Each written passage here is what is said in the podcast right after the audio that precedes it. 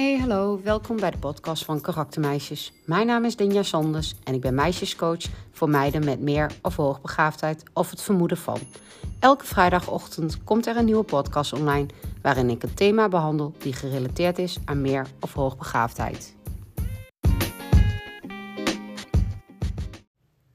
In deze aflevering ga ik het hebben over de leerkuil.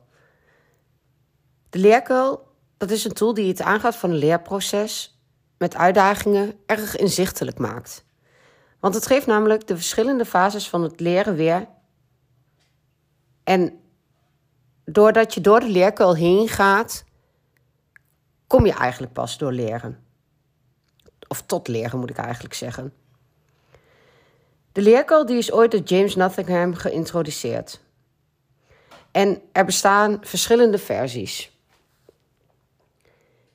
Maar eigenlijk de overkoepelende is wel hetzelfde in die verschillende versies. Maar die leerkuil, hoe werkt die nu eigenlijk?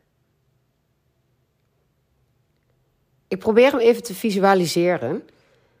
En bij de leerkuil, daar sta je linksbovenaan voor een uitdaging of een doel. En rechtsbovenaan, dan heb je je uitdaging of doel behaald. En heel veel hoogbegaafden die denken, en dat is soms bewust en soms onbewust, dat ze zo van links naar rechts kunnen springen. En op heel veel momenten lukt hen dat ook. Maar er zijn ook situaties in het leven, um, zoals schoolzaken bijvoorbeeld, waarin ze wel echt door die leerkuil heen gaan. En doordat ze dat niet zoveel gewend zijn, kan het echt verschrikkelijk veel emoties en gedachten oproepen. En die gedachten die kunnen zijn van: dit is moeilijk.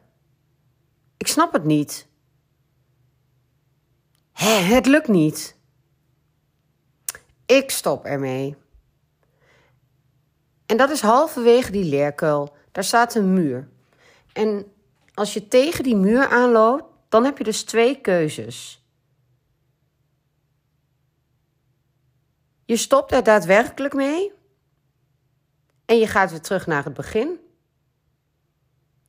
Of je gaat dat muurtje afbreken. En dan ga je bijvoorbeeld hulp vragen. Of even rust nemen en erover na te denken hoe je het anders zou kunnen aanpakken of wat je nodig hebt.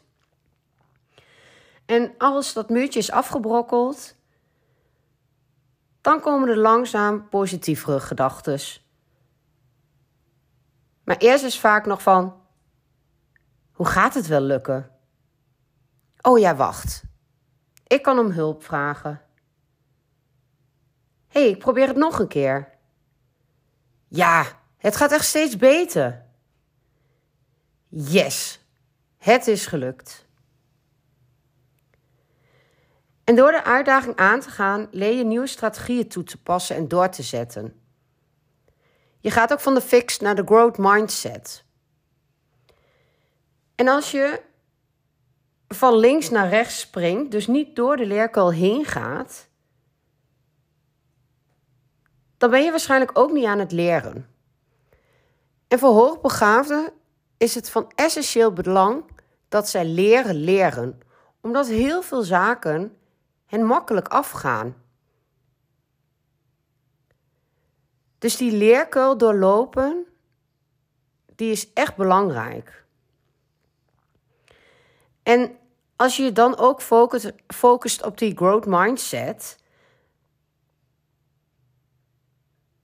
dan is, heb je eigenlijk twee in één. Want de growth mindset, iemand die dat heeft, die gelooft ook dat kwaliteiten, intelligentie en persoonlijkheid niet vaststaat. Maar dat je je dus verder kunt ontwikkelen door te leren en ervaringen op te doen. En iemand met deze houding, die durft meer zichzelf te zijn en ziet kwetsbaarheid ook als een kracht.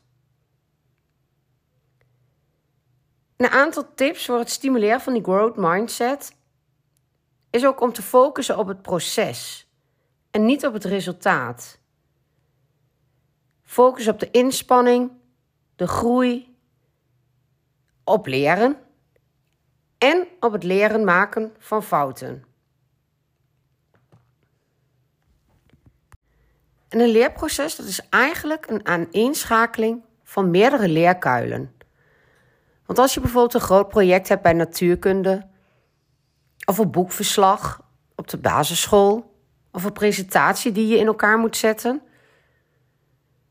dan kun je gewoon voor meerdere opeenvolgende uitdagingen komen te staan.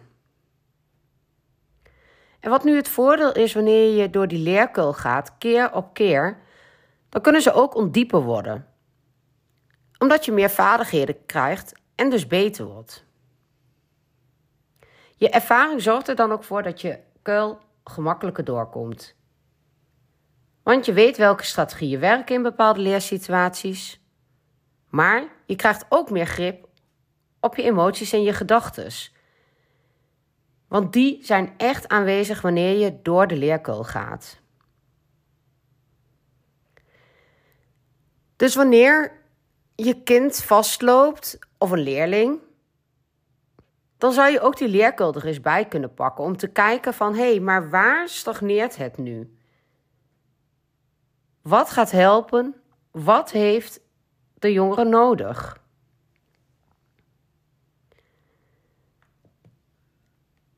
En wat ik dan ook nog wel eens toepas in mijn praktijk is um, de methodiek van wat voel je en wat denk je. Omdat hoogbegaafden toch heel snel in die gedachten zitten en daarin hun uh, gevoel vergeten. Maar dat kan echt helpend zijn om die leerkuil te doorlopen. Want uiteindelijk kun je dan met elkaar ook helpende en niet helpende gedachten concreet krijgen. En die helpende gedachten uitvergroten en aanleren. Net zoals dat wanneer je gaat kijken van als je in die leerkuil tegen dat muurtje aanloopt, van welke tools kan ik nu gaan inzetten?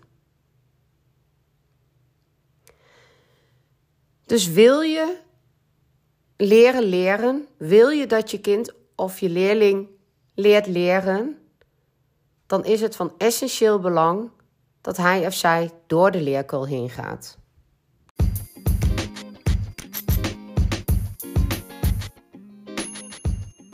Ik zou het tof vinden als je me laat weten wat je van deze aflevering vindt. Dit kan bijvoorbeeld door middel van een berichtje via Instagram of Facebook, karaktermeisjes, maar ook door de aflevering op Spotify te beoordelen met het aantal sterren dat jij het waard vindt. Heb je een vraag, opmerking of wil je in contact komen voor coaching, dan kan dat via social media, maar ook via www.karaktermeisjes.nl. Dit was de aflevering voor vandaag. Dankjewel voor het luisteren en tot de volgende keer.